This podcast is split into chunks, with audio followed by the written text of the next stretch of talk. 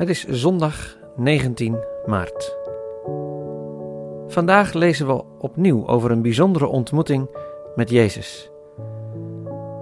De evangelist Johannes vertelt ons erover in Johannes 9.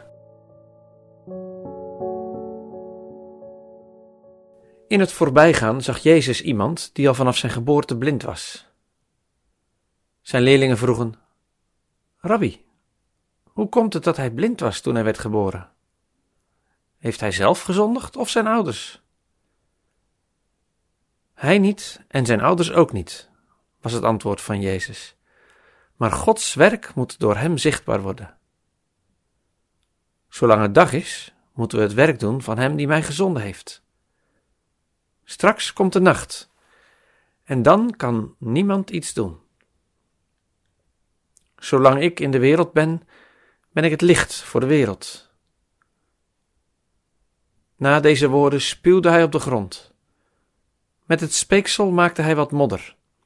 Hij streek die op de ogen van de blinde en zei tegen hem: Ga u wassen in het badhuis van Siloam.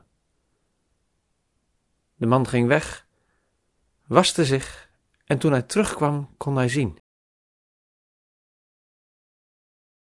In het vervolg zien we dat er verdeeldheid ontstaat.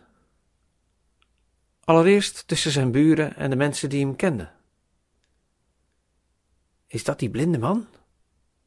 Nee, hij lijkt er alleen op. De man legt uit wat er is gebeurd en uiteindelijk wordt hij meegenomen naar de Fariseeën.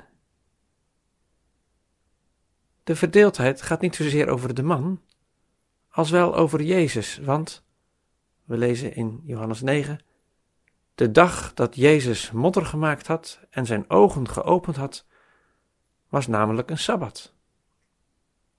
Sommige fariseeën meenden, zo iemand komt niet van God, want hij houdt zich niet aan de sabbat. Maar anderen zeiden, hoe zou een zondig mens zulke tekenen kunnen verrichten? Er ontstond verdeeldheid. De blinde man wordt vervolgens stevig aan de tand gevoeld. En ook zijn ouders worden onderworpen aan een kruisverhoor. De fariseeën willen niet geloven dat de man blind was. En de man wordt onderworpen aan een tweede verhoor. We lezen verder vanaf vers 24. Toen riepen ze de man die blind geweest was weer bij zich. Geef God de eer, zeiden ze. Die man is een zondaar, dat weten we toch? Of hij een zondaar is, weet ik niet, zei hij. Maar één ding weet ik wel. Ik was blind en nu kan ik zien. Ze drongen aan. Wat heeft hij met je gedaan? Hoe heeft hij je ogen geopend? Dat heb ik toch al verteld, zei hij, maar u luistert niet. Wilt u nog meer horen? Wilt u soms leerling van hem worden? Nu vielen ze tegen hem uit. Je bent zelf een leerling van hem. Wij zijn leerlingen van Mozes. Van Mozes weten we dat God met hem gesproken heeft. Maar van deze man weten we niet waar hij vandaan komt. De man antwoordde: Wat vreemd dat u niet begrijpt waar hij vandaan komt, terwijl hij mijn ogen geopend heeft. We weten dat God niet naar zondaars luistert, maar wel naar iemand die vroom is en zijn wil doet. Dat iemand de ogen opent van een man die blind geboren is, dat is nog nooit vertoond. Als die man niet van God kwam, zou hij dit toch niet hebben kunnen doen? Toen riepen ze: Jij, sinds je geboorte al een en al zonde, wil jij ons de les lezen? En ze joegen hem weg. Jezus hoorde dat en zocht hem op. Hij vroeg: Gelooft u in de mensenzoon? Als ik wist wie het was, Heer, zou ik hem geloven, zei hij.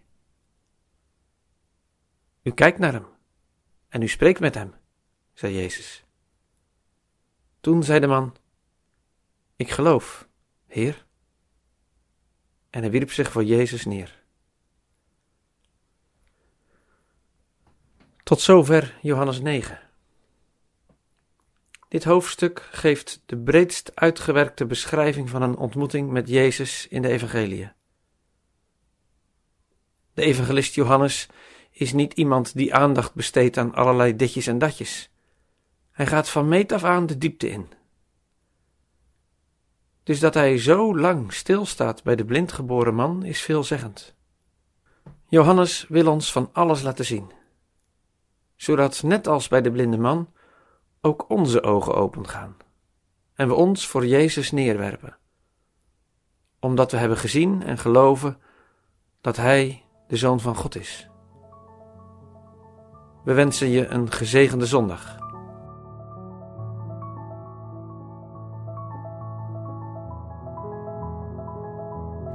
Leuk dat je luistert naar 40 dagen hier en nu. De podcast die je wil helpen om Jezus te volgen in jouw hier en nu. Deze podcast is een initiatief van Verre Naasten, Lume, LPB Media en Kerkpunt. Wil je meer weten over deze podcastserie? Ga naar 40 dagen hier en nu.nl. Voor de Bijbelteksten in deze podcast gebruiken we de MBV 21 van het Nederlands-Vlaams Bijbelgenootschap.